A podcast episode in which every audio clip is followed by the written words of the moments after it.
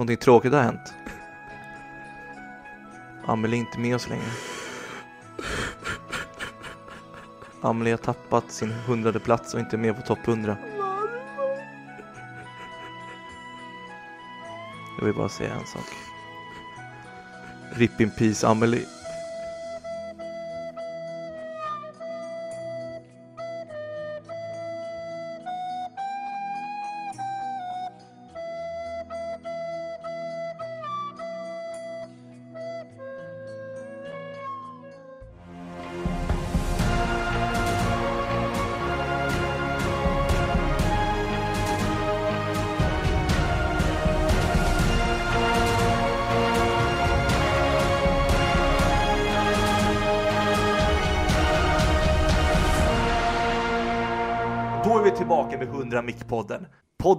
Som gör veckans sämsta dag tisdagar lite bättre. Och även podden där vi går igenom IMDBs topp 100-lista. Min namn är Fredrik och mitt emot har jag mig.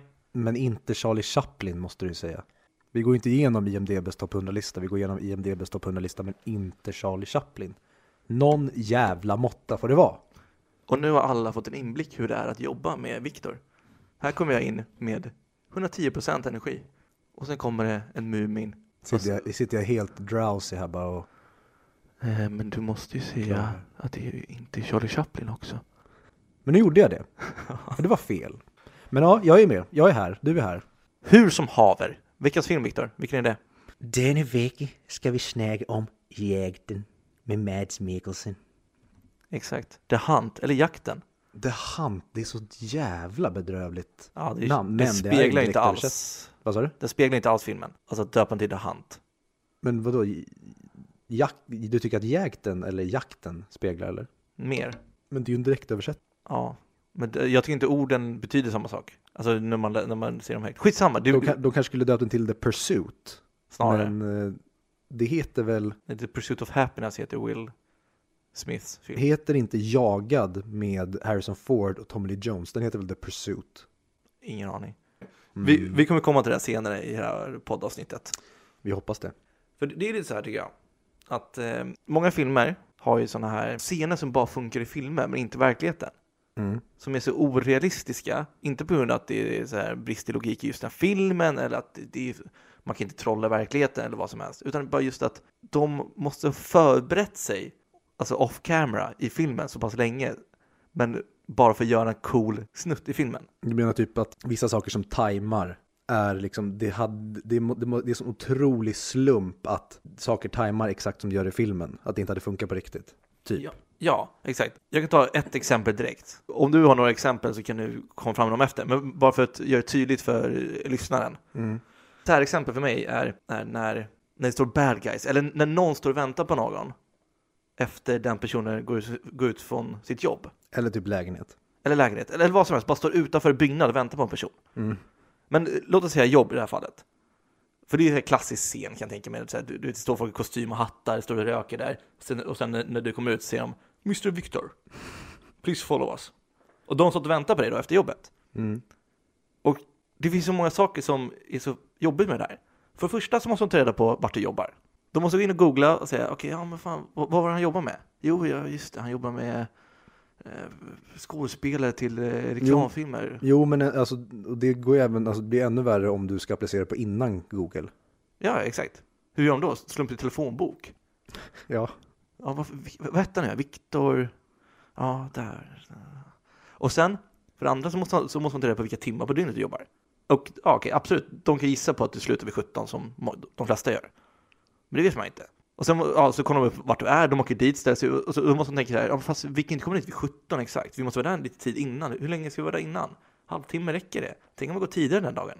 Ja, men, ja, de kanske kommer vid 16 då för att safea. Ställer sig utanför ditt jobb vid 16 för att stå och vänta på dig. Du får fortfarande stå och vänta en timme innan du ska komma ut, vilket är skittråkigt. Har du någonsin stått och väntat en timme på något? Jo, men det har väl hänt, men inte någon jag ska typ kidnappa. Nej, men det är ju fruktansvärt. Ja, I och för sig, de kanske kan ladda upp så här. Men sen kanske de har otur också.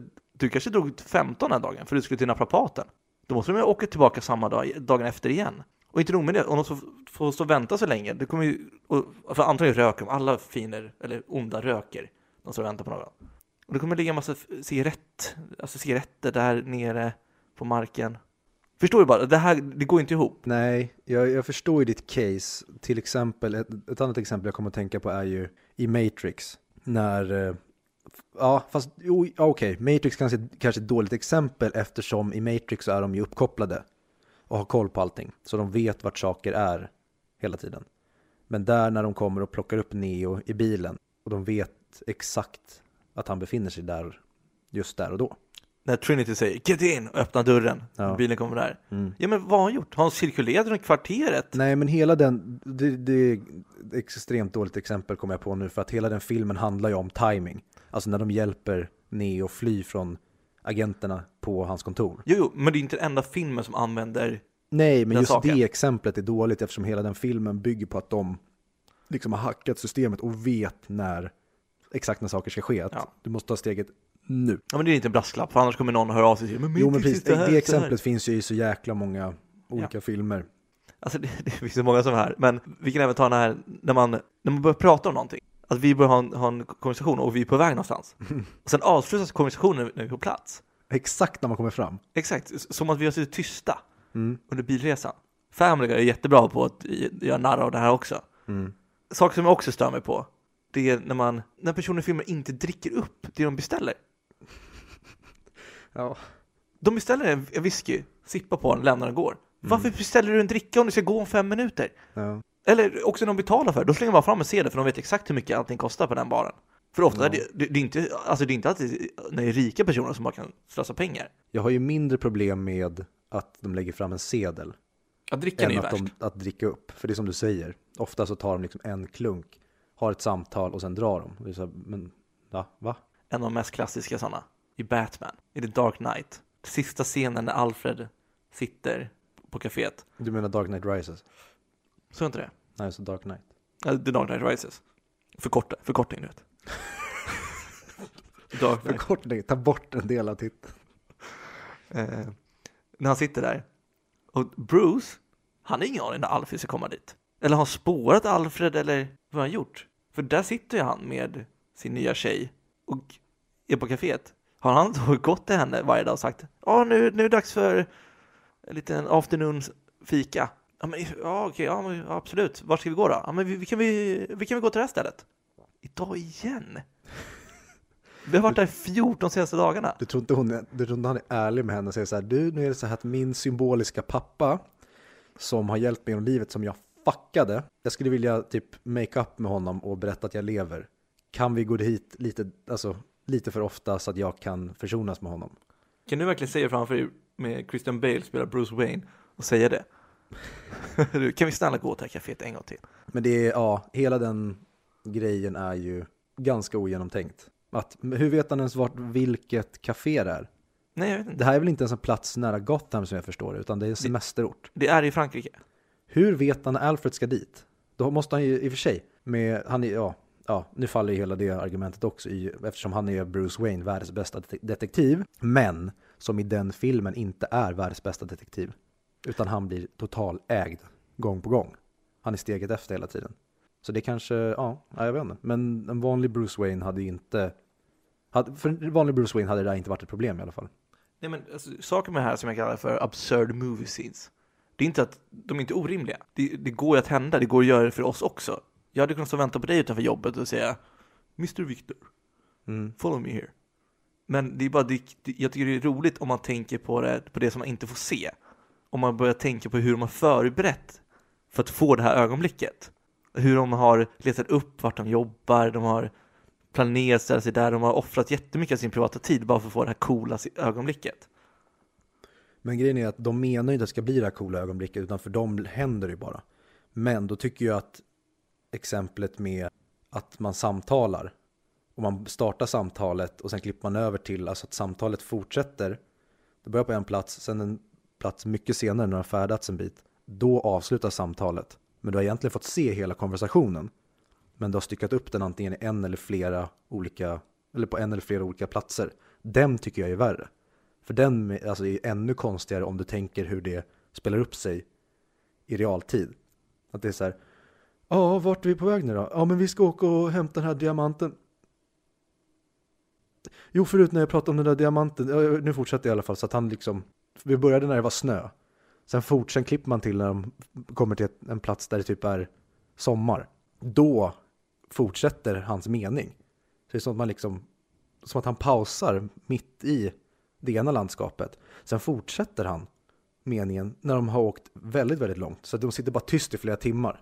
Men den är ju också ännu värre om personen frågar, eller om jag hade kommit in och sagt Victor, du har missat det sjukaste. Och du säger, vadå, berätta? Jag, jag berättar när vi är där. Ja. I'll tell you when we get there. Och då får man inte 30 minuter.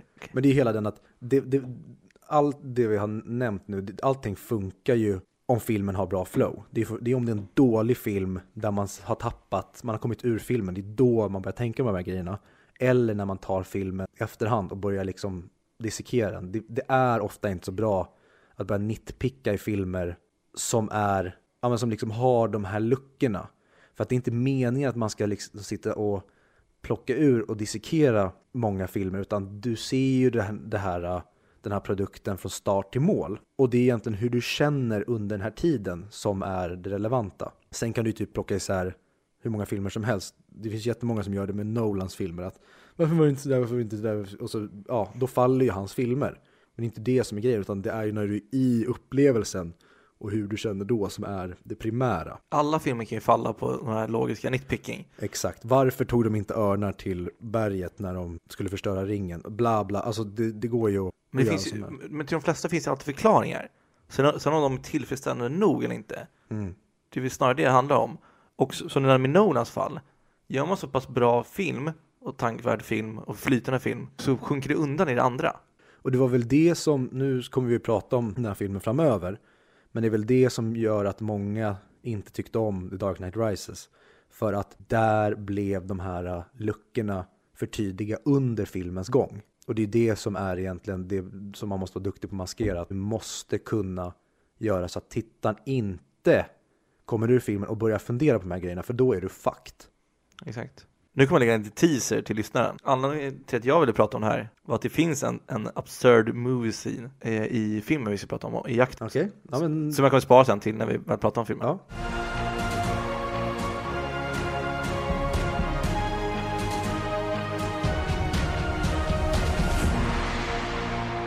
Vi pratade om, dem, eh, om min topplista från 2019, men jag tänkte även prata om 2019 års de största besvikelserna. Inte de sämsta filmerna utan de största, de filmerna som gjorde mig mest besviken under förra året. Och eh, en som jag tänkte börja prata om var eh, Terminator Dark Fate. Har du sett den?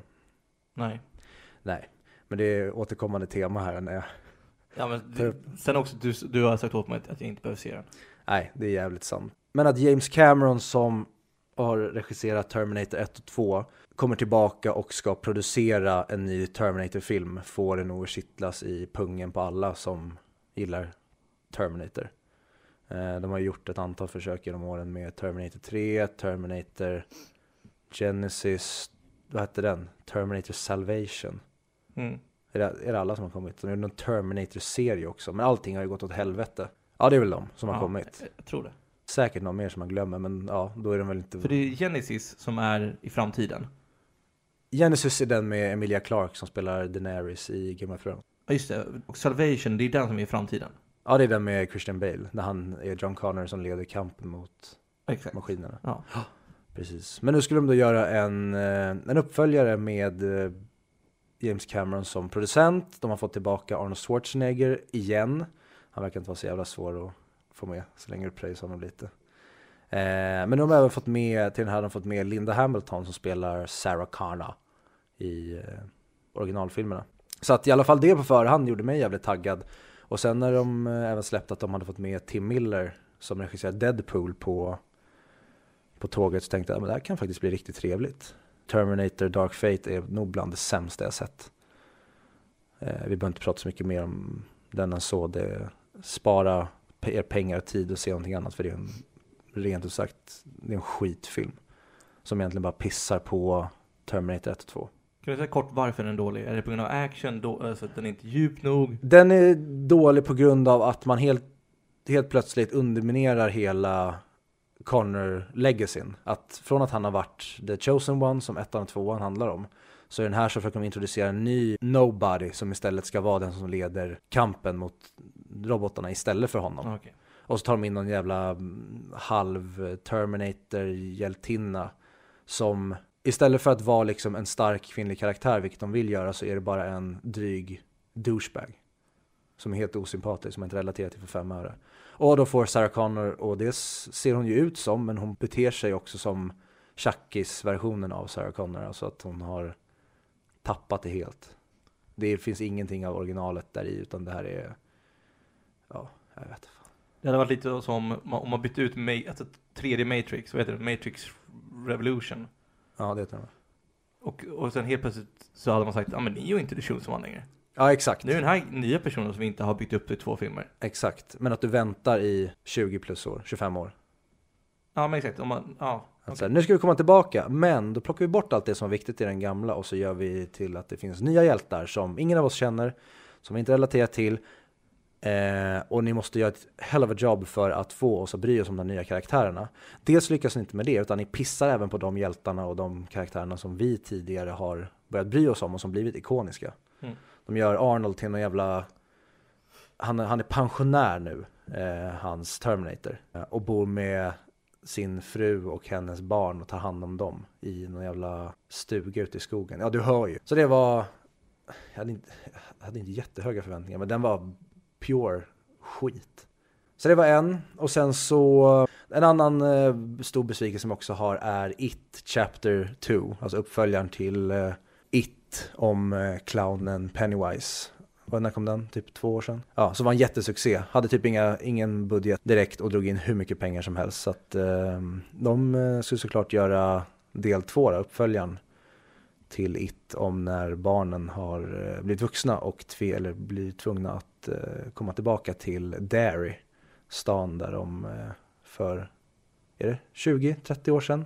Kommer inte ihåg exakt, ja men när de var små i alla fall fick möta Pennywise och eh, tillfälligt besegra honom. Det var Bill Skarsgårds genombrott i Hollywood. Ja, det var det faktiskt. Ehm, och den är bara så här, den är jättelång, jag tror att den är typ tre timmar lång. Och den är, ja den är så usel. Det, det enda som händer är att de här karaktärerna går runt och skriker i typ tre timmar och Pennywise, de, de har egentligen bara tagit det som var bra med den första filmen, vilket jag, jag tyckte inte heller det var en fantastisk film, men det var en okej adaption av Stephen Kings bok.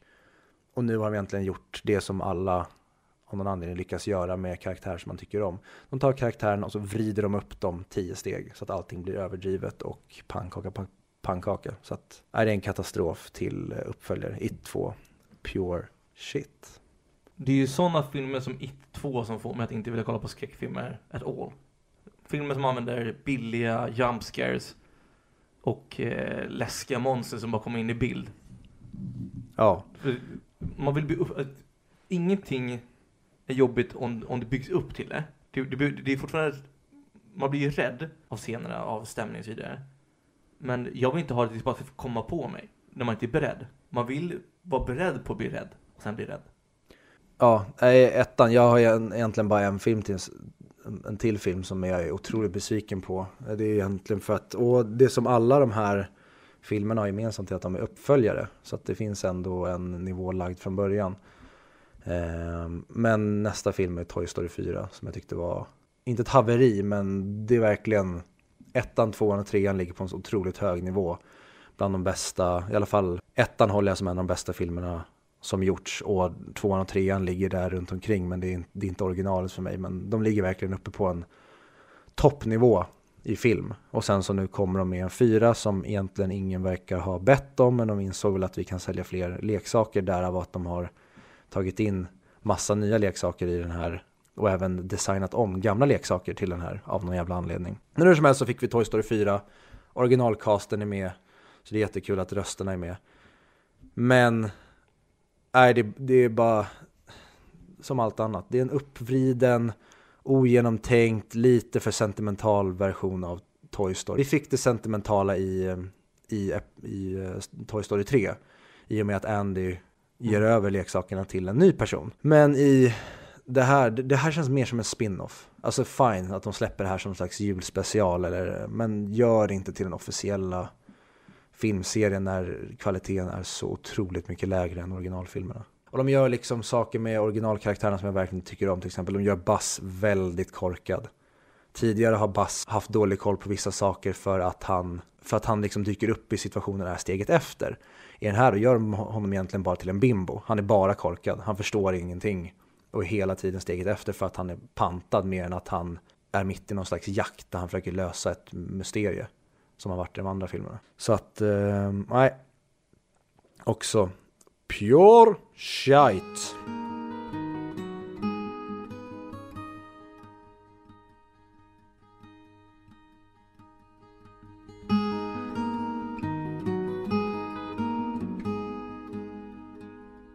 Det danska pärlan i filmskaparna. Jakten. Det är eh, Thomas Winterbergs väldigt kritikerrosade film från 2012. Ja, det är hans andra film på topp 250-listan. Ja, Vara första i festen. ja precis. Jag hade inte sett den här filmen innan vi kom in på den. Nej. Eh, hade du sett den? Ja, jag har sett den ett antal gånger. Vet, kommer du ihåg vilka förväntningar du hade innan du såg den? Eh, jag vet att den hade... Nej. Bra. Okej, men då tar jag över. Jag visste ju premissen i filmen. Visste du? Ja. Okej. För det hade jag hört eller sett. Du kände till den här från, sen innan alltså? Jag kände till den från innan. Mm. Det var det kanske därför jag inte ville se den, för jag visste att det här kommer ju vara jobbig att kolla på. Ingen, ingen, inget muntert tema. Men jag trodde att den var väldigt bra drama, så kan man väl säga. Mm. Och filmen handlar ju då om eh, en person som jobbar inom, Lucas. ja, spelat av, Mads Mikkelsen. och han jobbar inom, eh, Han var på dagis. ja, han är lärare från början och jobbar på dagis. Hans skola har stängt ner så att han jobbar, ja, sen dess på ett dagis. Och vill, om ni inte har sett den här filmen, så tycker jag att det här är faktiskt en film ni borde se innan ni lyssnar vidare på det här avsnittet. Det tycker jag gäller för alla filmer. Det vore ju jävligt synd att lyssna på det här om du inte har sett filmen. Ja, förutom North by Northwest, den bör ni inte se. Hur som helst. Jag hoppas i alla fall att vi på något sätt uppmuntrar folk till att se de här filmerna. Ja, det hoppas jag också. Okej, och filmen hand- handlar då om en person som jobbar på, på ett dagis. Han blir felaktigt misstänkt för pedofileri. Bra sammanfattat utan att spoila för mycket. Ja. Så jättebra. Det handlar om Lucas som jobbar på ett dagis och han blir anklagad för att visa sin tisseman för lilla Clara. Bra danska va? Jag vet inte, jag kan inte danska. Nej, inte heller. Vi brukar alltid prata om lite roliga trivias innan vi går in för mycket på filmen. Mm. Och när jag kollar upp lite trivia om den här filmen så hittade jag inte någon annan rolig. Det fanns tre på IMDB. Tre? Tre. Det är jättelite. Det är ingenting. Nej. Och det var typ så här, ja det här var en film som danskarna gillade. ja men det var så här icke-relevanta trivias. Ja. Ha- Har du något roligt, någon, någon rolig trivia? Vad jag minns så hade Mats Mikkelson vid den här tiden i sin karriär, han var väldigt hypad i Hollywood. Jag har för mig att det här är runt tiden han gjorde Hannibal. Mm, okej. Kan ha fel, men jag tror det. Och därför tycker jag jag älskar när skådisar går tillbaka till sina, sina rötter, till sina hemländer och gör filmer. Och jag tror att jag redan vet i svar eftersom du har sagt det sedan många gånger. Men bara för att få det sagt, vad tycker du om filmen? Jag tycker att det är eh, en av 10-talets bästa filmer. Och återigen, jag önskar att Sverige någon jävla gång kan komma upp i hälften av den här nivån som danskarna bjuder på i den här filmen. Vi har ingenting de senaste, ingenting på 10-talet som ens alltså, kommer i närheten av det här.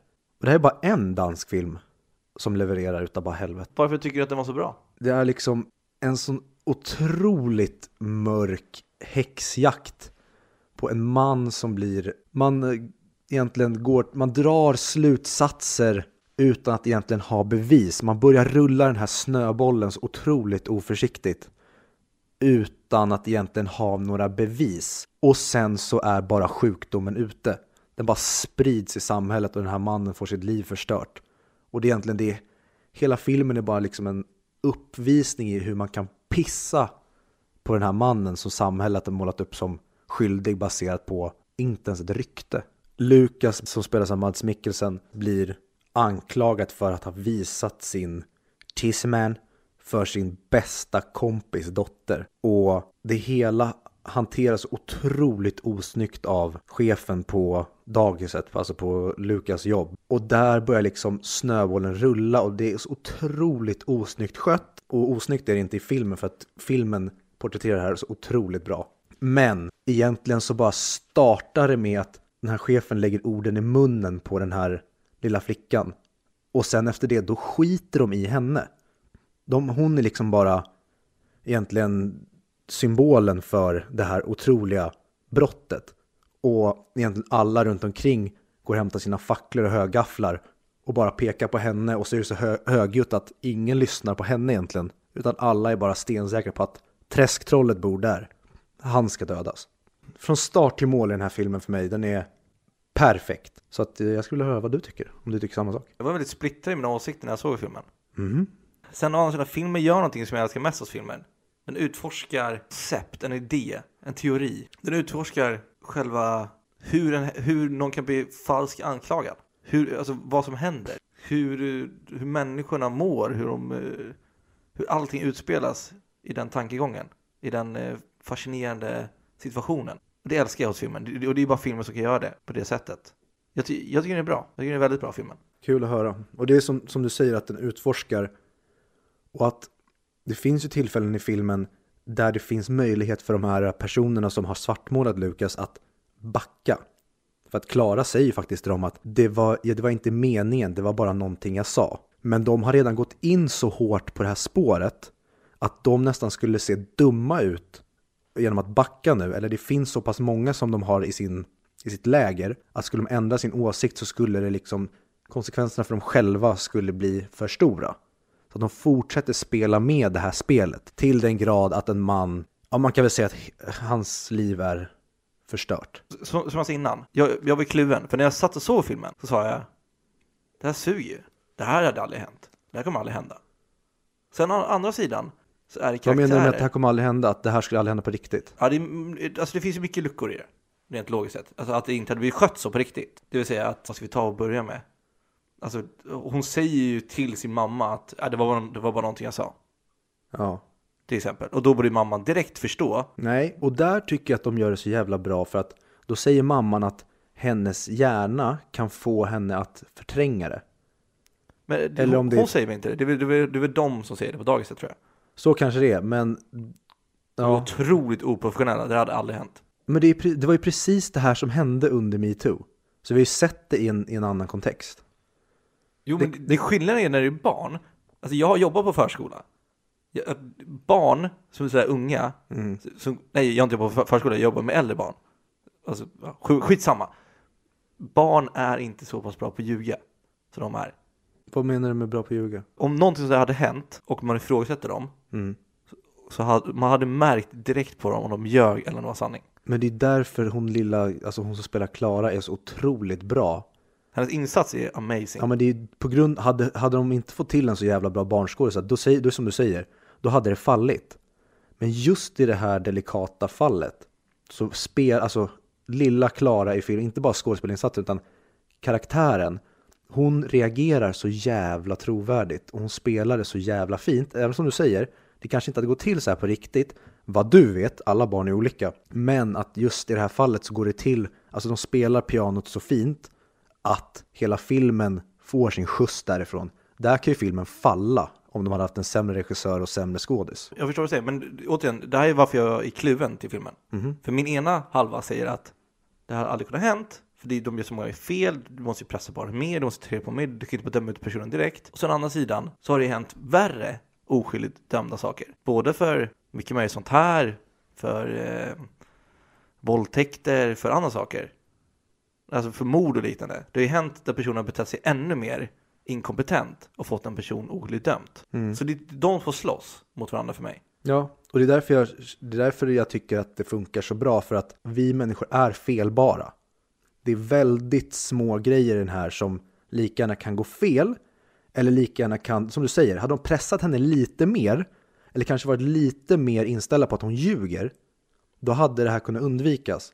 Men i och med att både hon chefen och den här, eh, vad nu är, psykologen som kommer, de egentligen, de går inte in med inställningen att han ska vara skyldig, men de är så rädda om barnet att de inte vågar, de, de tror inte att hon skulle ljuga om något sånt här. Och det är det som, som jag också tycker funkar, att var skulle hon få den här lögnen ifrån?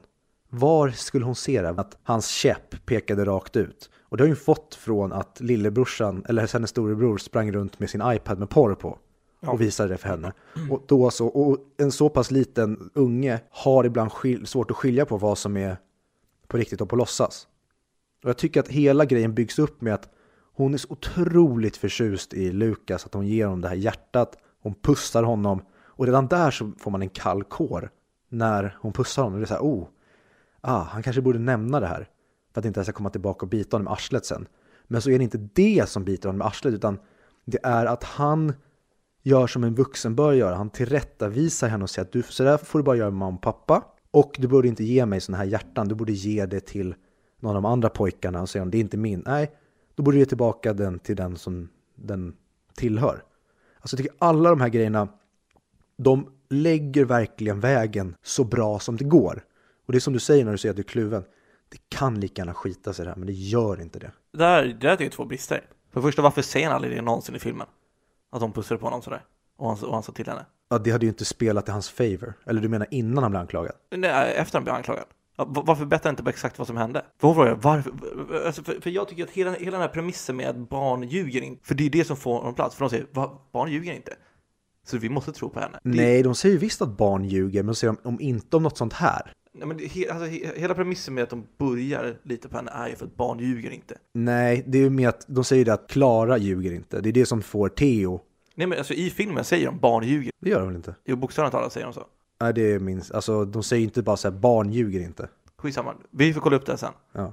Eh, men också det här med hjärtat, det är också jätteorealistiskt att hon säger ja men han gav det till mig. Varför skulle han sätta sig ner och göra pärlhjärtan? När skulle han ha tid att göra det? Jag jobbar på förskola. Du har inte tid att sitta och göra så, så ge ett pärlhjärta till henne. Vadå, han sitter och gör, de sitter och gör pärlhjärtan. Han sitter ju med och jobbar med dem. Men varför, alltså, hon, hur kan hon misstänka, okej, de här två vägar emellan. Antingen så ljuger hon nu, att han har gett ett hjär- pärlhjärta till henne, eller så har han misstolkat det, eller vad, som helst, eller så har han faktiskt gjort det. Men hjärtat är ju bara, det är bara en, liksom en, en paran, alltså det är bara en detalj. Jo men det faller Hjärt, ju där. nej men hjärtat glöms ju bort. Det är ju bara en grej som att okej, det byggs upp här. Jag tycker absolut inte det är en grej som är alltså ifråga, att if, ifrågasätta det hela. Utan det är en grej som, så här, okej den byggs på, men den glömmer vi bort. Att den är liksom inte det primära, utan vi fokuserar fortfarande på brottet. Och det här var bara en grej som styrk, alltså stärker brottet. Jo, jo. Ja, men, ja. Men jag, jag, okej, jag kan absolut köpa att om du resonerar så. Men för mig, för mig var det, alltså funkade det inte så. Det jag inte gillar, nu spelar jag fram i filmen ganska långt. För han blir ju polisanmäld. Han blir ju misstänkt, han åker in till polisförhör och, och, och så vidare. Mm. Men de släpper ju allting. Ja. Och åh, det, det är något som också kan hända i verkligheten. Och har hänt. Precis som metoo. Men det, alltså det är också ett så här, varför ingen, ingen som gör någonting åt det? För jag, jag tror det man stör på, sig på är att de här personerna beter sig som vettiga människor, men just i det här fallet gör de inte det. För där är liksom, det är ju en klockren grej att ja, de, de beskriver saker i källor, men vi har ingen källare. Nej, men det är ju det som är också hela poängen att vid det laget så spelar det ingen roll. För att det är, alltså, han är redan skyldig i deras ögon. Vad polisen säger spelar ingen roll. Och det är precis det som, alltså, ja, återigen så kommer jag tillbaka till metoo. Att även om det inte finns några bevis så är det barnen vi tror på nu. Och nu finns det så många barn som har kommit med det här. Att hon började, och man trodde på hennes lögn, och då sen så kom det liksom fler och fler vittnesmål som man egentligen inte ifrågasatte. Det var precis som kvinnorna under metoo. Du får inte ifrågasätta offret. Och ännu mindre ett barn än en vuxen person som påstår att någon har utnyttjat den sexuellt eller klivit över gränsen. Det blir den här, jag, jag jag skulle säga att filmen hade nog funkat sämre om vi inte hade fått metoo. Men den funkar ännu bättre bara för att vi har fått real life proof på att det har gått till exakt så här. Återigen så blir jag, blir jag kluven, för det känslomässiga, det blir som en försvarsmekanism, att jag försvarar mig själv, det här, det här kan inte hända, så då, då tycker jag det är ologiskt, jag tycker inte om filmen. Mm. Så jag är osäker själv egentligen, alltså helt vad jag tycker om det. Mm. För jag tycker mycket är orealistiskt, att det, inte ska, att det inte händer på det sättet och så vidare. Det här är helt absurt. Men också bara grejen, för hans bästa kompis får ju reda på sen att det inte hände. Han får ju inte reda på det utan, eller han får egentligen reda på det från början när Lukas kommer och pratar med honom och berättar att han inte har gjort det. Men han vänder ju, alltså det tar ju så lång tid, eller egentligen hans tve, tvivlan, börjar, den byggs ju upp under hela filmen. Jag tolkar mer som sympati, att han börjar känna mer och mer sympati för honom. Men det kanske är tvivlan också. Nej, nej, nej. Alltså han, vet, han säger det till, till frun i kyrkan. Ja. För det, och, det, och det är okej. Det är ju en grej som jag kan förstå om man tycker är en svaghet. Men där tycker jag samma sak. De, alltså Winterberg, han levererar det så jävla bra. Genom att han säger ju tidigt i filmen att jag kan se på dig Lucas när du ljuger. Alltså att han ser på att han gör en så här blinkning när han ljuger. Den grejen kan jag tycka kan vara lite klyschig, men den, den blir så subtil och glöms bort så snabbt för att det händer så mycket annat skit. Så att i kyrkan sen när han vänder sig om och tittar på Theo och gråter, då säger ju Theo till sin fru att han kan se, jag kan se det på honom. Jag ser att han är, att han är oskyldig.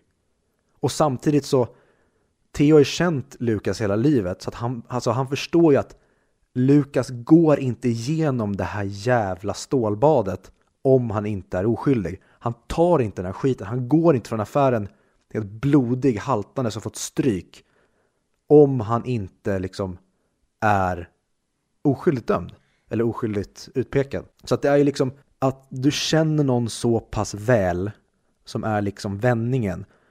Men det är det också som jag tycker att filmen gör så, ja ytterligare en grej som jag tycker, nu jag, jag sitter ju bara egentligen och försvarar den här. Men jag tycker att den är, det som den gör så jävla bra är att, för att en sämre film hade gjort att alla förlät honom. Och det hade varit fine. Men det är det som gör slutet så fruktansvärt bra. Ja, exakt. För Theo får ju reda av Klara innan han, han åker över på julafton till, till honom. Ja, För då säger ju Klara att det var inte sant, det hände aldrig saker. mm. Som hon har rep- alltså, repeterat under olika tillfällen genom filmen. Ja, men, ja, men hon har ju sagt det bara till vissa. Hon har, hon har sagt det till... Om, rektorn vet jag inte om hon sa det till. Eller vad det kallas. Eh, Men till mamma sa hon det. jo, men visst fan är det mamma som säger att du kan ha, liksom minnena kan spela ett spratt på dig typ. Jag är osäker om det var det. Eller, Ja, det är mamman eller dagischefen. Jag tror att det är mamman. Ja, för hans son konfronterar också henne och då säger hon nej, jag ljuger inte. Ja. Och det är också typiskt. Uff, alltså, och, och det kan vi komma in på. Alltså, det är så jävla många jobbiga scener den här. Ja. Och den är så jävla jobbig att se om. Jag kan Man tänka vet mig när man vet om komma. allting. Vad sa du? när man vet om allting kan jag tänka mig det är jättejobbigt att säga. Ja, men när man vet att oh my god, nu kommer det här. Alltså bara den scenen med sonen när han kommer hem till Theo och de ska käka någon jävla julmiddag. Och han konfronterar Klara och spottar på henne och det slutar med att den här stora jävla jättemannen sopar på honom. Mm. Är det, alltså det är verkligen regi i ja, men topp, toppklass. Hur jag hade gjort i scenen i köpcentret. Mm. Han blir ju slagen. Ja men perfekt, då bara ringer polisen. Tja, jag blev misshandlad här. Ja. Alltså fuck you på det sättet till dem istället för att gå in och skalla honom igen. Det var också ganska tillfredsställande. Att Jo, men han, han har ju blivit släppt. Alltså för att de hittar ingen bevis på att han är skyldig. Nej. Men det är inte det det handlar om, utan det handlar om att samhället har stämplat honom som en brottsling. Det spelar ingen roll om du i registret liksom är helt clean. Du är inte välkommen, du är en criminal i samhällets ögon. Och det är samma sak där. Han vill ta kampen mot de här människorna som har stämplat honom. Han vill liksom ha huvudet högt. För han kan ju lika gärna vika ner sig där och försvinna.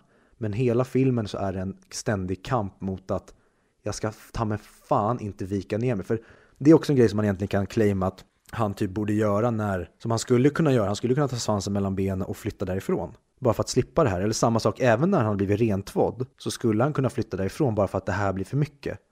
Men han försöker gå med huvudet högt och liksom ta sig igenom det här och få tillbaka sin platt. Eller så tolkar jag det i alla fall. Jo men det är jag också. Men det, det märks verkligen att vi är olika när det kommer till film. För du- uppskattar ju att de är kontinuerliga med den här symboliken genom hela filmen. Jag till exempel, jag hade, ju- jag hade velat haft ett lyckligt slut. Men jag vet ju att filmen hade blivit sämre av det. Men jag själv hade mått bättre av det efter. Så jag hade velat haft ett lyckligt slut. Och det, och det är exakt samma sak med den, den scenen där. Alltså den är ju, så som den är nu, är ju bättre.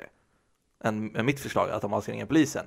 Mm. Men jag vill ju bara att han ska vinna det här. Jag hejar ju, man hejar ju på honom. Jo men och exakt. Och, och, och då tänker jag att den, den mest effektiva hade bara varit så här, men fan, om de slår men fan ring bara polisen, kommer de hit och fuckar dem i köpcentret. Mm.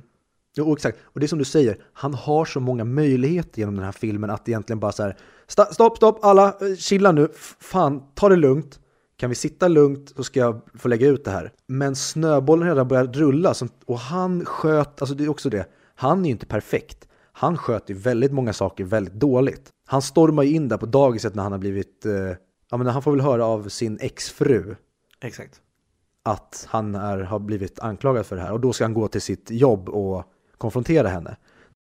Men de är så felbara och det, liksom, det, det sker så mycket misstag och det är så mycket känslor och grejer som händer i det här att saker egentligen bara, det, det, som du säger, det går att sköta så mycket snyggare men det gör inte det. Och det hade nog inte varit till filmens fördel tycker jag. Nej, jag tänker, för än så länge så har det ju varit mycket, för uppenbarligen så gillar du den här filmen mycket mer än vad jag gjorde, eller gör. Ja, jag älskar den, jag, Ja, du, du, jag sa, det är en av tiotalets bästa filmer. Ja, så att, jag tänker om vi ska hoppa till lite kritik. Och jag har försökt kolla upp lite kritik vad Anna har skrivit, med, alltså olika betygsskalor. Mm. Och e- egentligen var det bara en sak som var genomhängande, och det var att den var orealistisk. Att det här hade inte hänt i verkligheten. Det var den klara. När är den skriven? Nej, men det var flera. Eh, Ja, men är det någon som är skriven typ efter metoo? 12, 13, 12, 14, 12, nej. Nej. Och det, jag, jag kan absolut köpa det, att, men vi såg liksom en epidemi av sådana här fall under metoo-vågen. Och jag, in, någon som säger nej, det är bara du är man, och försvarar metoo. Nej, det var jättemycket bra. Jättemånga som blev också, som gick fria, som säkert var skyldiga. Men, Men sen finns de här svinen som drar nytta av det. men precis, det, det, det, det är svårt att, för att, ja, vi ska inte gå in och, och bli politiska eller eh, prata om metoo mer än så, men att det var så många lögnare som kapitaliserade på när det var liksom starka kvinnor som kom ut och berättade sina skräckhistorier om ja, hur det hade varit i framförallt deras arbetsliv. Och då blev det liksom de här historierna, typ jakten-historierna, som blev det som stal rampljuset från de riktiga offren. Människor som gick ut och egentligen bara ville ha uppmärksamhet och kapitaliserade på lögner för att det hade inte, dejten eller liksom samlaget hade inte gått till på det sättet som de ville och det smakade lite illa i munnen efter. Det slutade med att, ja men här hittar jag ett tillfälle där jag kan svartmåla den här jäveln eller liksom, ja, få lite uppmärksamhet. Det var liksom narcissisterna kom fram ur sina bon och kapitaliserade på riktiga offers trauman. Så att det blev de här, de som skrek högst och lögnarna, det var de som stal rampljuset så att de riktiga offren glömdes bort eller likställdes med dem. Det är det som är farligt, det blir häxjakter. Det går inte att 2019 eller i det här fallet 2012 som filmen är är gjord. Det går inte att ha att samhället liksom tar på sig att vara domaren. Nej men exakt. Jag tror att många som tycker att den är orealistisk är lite som mig då. Att de önskar mer än vad de tycker kanske, att den är orealistisk. Att de önskar att det här inte skulle kunna hända. Men när det är inkompetenta människor på fel plats vid fel tillfälle så Ja. hade det kunnat hänt. Sen vill man verkligen lägga fokus på det i en, alltså med en sån här film. Vill man inte snarare prata om vad den utforskar? Och som du säger, själva häxjakten. Det är det som är intressanta. Precis. Så alltså, jag köper kritiken, men jag, jag vet inte om jag håller med. Men jag håller med till viss del. Tydligt, eller hur? Ja. Jag, jag, jag- jag, kan absolut hålla med om att man, som du själv sa, du ville inte att det skulle gå till så här typ i affären. Han borde ringt polisen. Men sättet de utför det på gör att jag struntar i det eller glömmer det. Att scenen i matvarubutiken när han blir nekad, utkastad, får konservburkar sulade på sig i ansiktet och sen går in och skallar den här jävla charksnubben. Det är så jävla bra utfört att det är så här, all right, du gjorde inte som jag skulle ha gjort, du ringde inte polisen för att du är inte så här, eller den här situationen var inte så här. Men så som ni utförde det är jättebra, tycker jag i alla fall. Jag pratade innan när vi pratade om absurd movie scenes. Mm. Du har ju redan nämnt slutet när, när jag, de, de är ute och, de är på jakt ju. Och det, det känns som att alla förlåter honom, alla hälsar på honom, men det, man, man märker ändå att det finns en tension. Tycker du det? Jag tycker det känns lite som det. För det är inte så här, åh vad kul att se igen, det är så här, trevligt. Den känslan fick jag i alla fall. Ah, Okej, för det, det tyckte jag att de ändå förmedlade att, som du säger, de, in- jag tyckte att de var inte överlyckliga, men det kändes som att nu är allt förlåtet, nu kan vi umgås alla ihop igen och sen det här med att de sjunger det här ah, ja, men krökramsan och applåderar och hela den biten på när hans son ska få sin eh, jaktlicens. Då kändes det som att nu är han en i gänget igen. Sen visar de ju jag några blickar som kollar på honom lite och det känns som att de har lite koll på honom. Men det kändes som att nu kanske han kan få tillbaka sitt liv och börja bygga upp deras tillit igen. Men det var en gigantisk elefant i rummet, det märkte man ju. Jo, Ja. okej då. Det vi kommer till i scenen när han skjuter honom. Eller mot honom i alla fall. Mm. Och missar precis, träffar trädet bakom. Och sen när han vänder sig om och kollar upp mot kullen Mm. så ser han inte vem det är, för det är solen är bakom och skiner. Och då tänker jag, hur har den jägaren kommit fram till det? Har han testat att stå vid det stället och räknat ut att om solen är på, exakt på den här höjden så kommer han bli skugga och då kommer inte den här personen se? Eller har han chansat att det ska vara så? Eller vill han att jag ska se honom? Eller har, eller har han då åkt dit med frugan och så här, "Ja, men om du ställer dig uppe, ställ dig uppe. Bra, okej, stå kvar där, så går han ner, kisar lite, testar hålla handen ovanför ögonbrynen. Om jag siktar nu, ser du att det är jag? Just det, för han har, han har bytt plats också, Ja. för dubbelkolla så det är två personer. Nej, men det, jag tycker det är ändå bra scen, det funkar ändå i filmen. Det som jag kan köpa i så fall är att den här snubben befann sig där uppe, fick feeling, gjorde den uträkningen där och då. Att sol, solen lyser på honom, han ser inte. Jag tar mitt skott.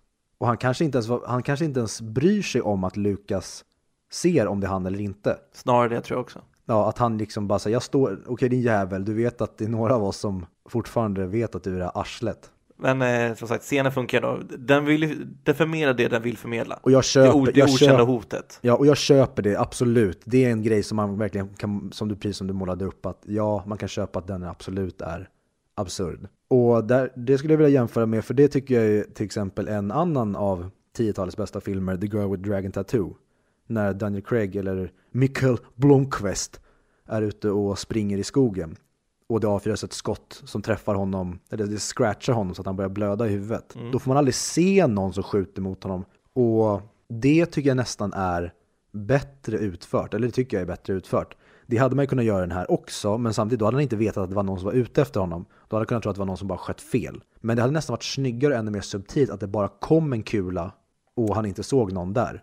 Det, det, det tycker jag var bättre. Då hade det verkligen varit det okända hotet. Ja men precis, då hade vetat att du ska vara på din vakt din jävel. Så absolut, det, det skulle jag tycka var en, en bättre lösning på det. Och nu, och nu pratar vi om det, hur kan jag inte känna igen honom på längd och så vidare? Man ser ju ungefär vem det var och sen drar man ut uteslutningsmetoden. Det, alltså det går ju inte ihop. Nej, okej. Varför störs ja, inte fler på det här? Sure, det kan jag, ja absolut. Så det är väl okej, då, mm, det kan jag köpa är eh, filmens svaghet. Men det är också så här, det är det sista, sista scenen. De var trötta på inspelningen. Ja, okej hur gör vi slutet allihop? Är det någon som har en idé? Mm. Men om man ställer sig upp i solen, ja sure. Ja, du måste, någon, någon var ju pissade i skogen, så kom de tillbaka och så bara, "Vem- vem är det? Jag ser inte vem det är. Mm. Och sen, åh, ställ dig där uppe istället. Men det är så här, ja, jo, men vi, hade ju hell, vi, hade, vi tar ju hellre det slutet än slutet med att eh, det hade blivit ett lyckligt slut. Att Lukas var förlåten igen. Jag vet fan. Jag gillar det slutet. Ja, och, ja okej, du som gillar Askungens slut. Men jag som gillar, jag älskar när man vågar ta ner alltså, hjälten och alltså, vi slutar med att det blev inte bra. Det blev inte lyckligt. Om vi ska prata om några fler, för den här filmen har så fruktansvärt många bra scener. Och ja, men bara, bara en grej som när när de är, alltså, ja det är, det är nog filmens bästa scen skulle jag säga, när de är i kyrkan på julafton. Och han sätter sig i bänken själv. Och barnen börjar sjunga. Och han bara bryter ihop och sen så till slut så går han fram till Theo och bara, ja men bara sopar på honom. Det är så, åh, fy fan vad det är. Ja, det är ju en jävla känsla historia. Ja, det är- det sitter ju, alltså alla känslor bubblar upp och ner, Ja. Höger och vänster. När, han, när de dödar hans hund och hans son kommer ut och liksom, jag vill få se. Hunden som de har också bakat in så jävla snyggt i hela storyn. Att Klara tycker jättemycket om Fanny. Och ja, men den skäller när man säger Kirsten eller Kristen eller vad fan det är, exfrun heter. Ja, men det, det, den har blivit liksom en karaktär som man tycker om. Och så bara när han sitter i, i häktet, då har någon plockat hundjäveln och dödat den och lagt den i en plastpåse. Tror du, att den, har, tror att den här filmen har inspirerat några filmer? Har, har den några movie babies? Eller är det snarare att det här har kommer från någon tidigare film? Mm, svårt att säga. Det, det finns väl hur många sådana här filmer som helst om folk som blir oskyldigt anklagade och dömda. Men jag kan inte komma på någon på rak arm som jag tycker är ah, den där är som den där. Men det är väl kanske därför den också är så hyllad och rankad som den 94 bästa filmen genom alla tider. För att den gör någonting som ingen annan gör. Eller i Eller- alla fall levererar det här scenariot på ett sätt som ingen annan levererat. Den är ju väldigt unik på det sättet. Jag har inte sett någon direkt liknande film. Ja, Det finns en till film som jag inte kommer ihåg vad den heter. Men då är det väl Hugh Jackman. Prisoners. Är det när dottern blir, eller hans dotter och son blir Ja. kidnappade? Ja, det känns lite... Kom den, den kom efter den här va? Ja, jag tror den är från 2013. Så den kommer väl året efter. Det hade kunnat vara. Det bra film tycker jag också. Mm. Oh, fruktansvärt bra. Också mörkt slut. Men, eller? Vem vet? Ska, ska inte spoila. Ja men det, och så egentligen så här, bara innan vi går in på, bara egentligen så här.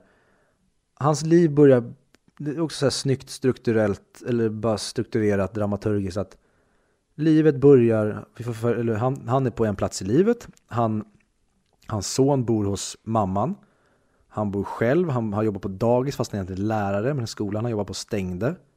Så att, ja, han är inte på den plats, på det arbetet som han egentligen borde vara på. Han har ingen tjej utan man får reda på direkt att han har en exfru som sonen bor med. Eh, men man får liksom se hur livet byggs upp mer och mer. Han har fantastiska vänner, det har han för sig från början, men han har vänner och ett liksom kompisgäng från barndomen som älskar honom, som de har hur kul som helst tillsammans med. Han får sen en tjej som han träffar på jobbet som spelas av svenska Alexander Rappaport, heter hon va? Ja, jag tror det. Spelar huvudrollen i Gåsmamman tror jag. Skitsamma, Alexander Rappaport. Som han blir tillsammans med. Hans son väljer att komma och vill bo med honom. Och liksom allting känns bra. Barnen på dagiset älskar honom. Och sen så är det bara som att någon kommer in och bara slår sönder det här glashuset. Och då raseras det så jävla snyggt. Så jag tycker den är... Och det där vill jag lägga till också innan. Om det hade hänt mig och säg du, mina andra vänner, Ja. familj, vad som helst, hade, hade vägrat prata med mig och hade behandlat mig som var Matt. Det finns inte en chans i helvetet att jag hade tagit, tagit tillbaka dem som vänner. Jag hade aldrig mer pratat med de personerna som hade kunnat trott att jag hade varit eh, kapabel till att göra, göra någonting sånt här. Som inte hade tagit min sida. Aldrig någonsin hade jag kunnat ta tillbaka sådana människor till mitt liv. Nej. Hade du kunnat göra det? Nej. Verkligen inte. Eh, Nej, eller hur? Man hade Nej. aldrig kunnat ta tillbaka. Jag köper att han gör det och jag köper Ja. att personen hade kunnat gjort det. Jag personen hade aldrig kunnat gjort det. Ja. För du vet att den här personen litar inte på mig. Den här personen har ingen tillit till mig. Och den här personen har inte min rygg om det värsta skulle hända. Mm. Varför, eh, varför är det då min vän? Precis, och det, det är en grej som jag, för att, men det är också svårt för att jag är, är- jag gillar nästan att söka konflikter, eller jag är nästan, jag är så att okej, vi har den här lilla, det här lilla problemet, istället för att vi sopar under mattan så löser vi det här nu och jag söker hellre den än att fly från den. Men jag förstår också om man vill spela det här äh, spelet, att okej, jag vill inte gå in i konfrontation, jag vill bara att det här ska vara lagt bakom oss, jag vill bara bli accepterad igen. Med det sagt, ska vi gå över till betyg. Ja, äntligen ska vi gå upp till betyg. Men jag tycker det, alltså det har varit eh, en väldigt intressant film att diskutera. Jag också. Hej då. Jag. Jag har ju bara sett den en gång. Det är, ju- jag tycker det är väldigt svårt att diskutera en film jag bara sett en gång. Mm. Eftersom man vill se den igen för att se hur det ändras. Mm.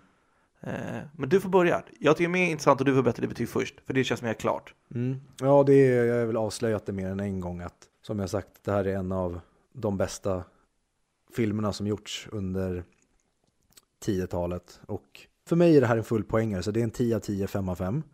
Och det är en film jag har sett, jag tror jag har sett den fyra gånger nu, sen den kom ut. Den har egentligen, jag tror jag satte typ en fyra av fem på den första gången. Och sen ju mer jag sett om den så har den vuxit. Så att nu ligger den där uppe och egentligen, ja men det är bara så här, ja, den, den gör allt rätt för mig. Hur många mick? Oj, eh, det här är jättesvårt. Ja, men jag skulle nog sätta in... Fan, det är så svårt att jämföra när man liksom, som du säger, det, man har inte sett alla filmerna än på IMDBs topp 100 och sen så vet jag inte riktigt hur jag skulle ranka den när jag sitter och jämför den med andra filmer jag tycker om, men 25 mick skulle jag nog sätta. Så att den eh, är 25 eller uppåt, men runt 25 där.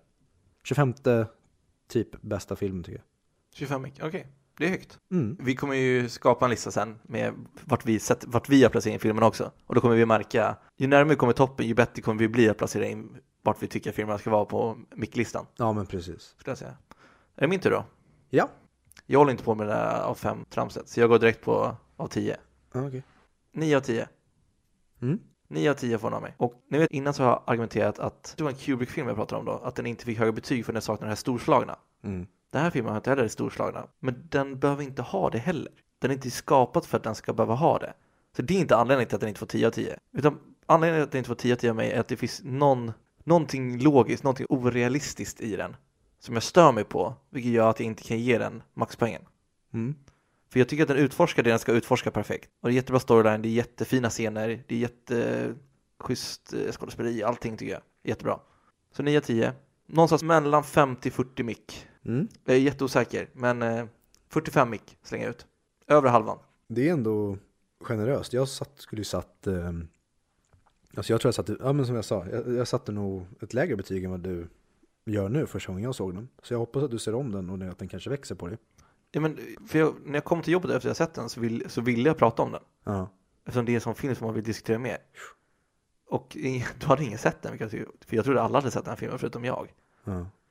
Så det, det är väldigt bra. Väldigt bra film.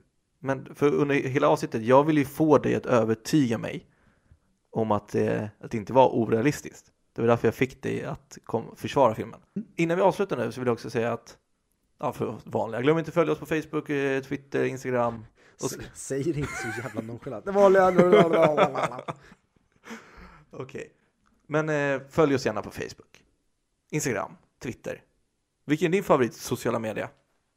eh, Twitter utan konkurrens. Ja, det, jag använder inte Twitter själv. Nej. Så det är vi motsatser. Vad är det då? Eh, TikTokar. Va, vad är det? idag TikTok på jobbet så hörde du, jag vet inte ens vad TikTok är för någonting. Ja, men det är väl alla under 15, 16. Nej, Och, men vad är det? Vad, gör, vad är Alltså du skapar videos med ljud på. Så du kan ta alltså en låt, du kan ta, jag tror du kan mima till olika saker också. Och sen ligger det bara ett, tänk dig alltså en modernare variant av Vine. Mhm. Och framför allt, för jag tror inte den här podden har nått någon som inte känner varken dig eller mig. Men om du är en person som inte har, har någon kontakt med mig eller Viktor, skriv gärna till oss. Det var jättekul att höra om någon har kommit dit. Ja, precis. Och hur du fick reda på att vi finns. Och då kan du antingen skriva på en av våra sociala medier eller mejla oss på 100mickpodcast@gmail.com. Hej då! Hej då! Ha ett bra liv.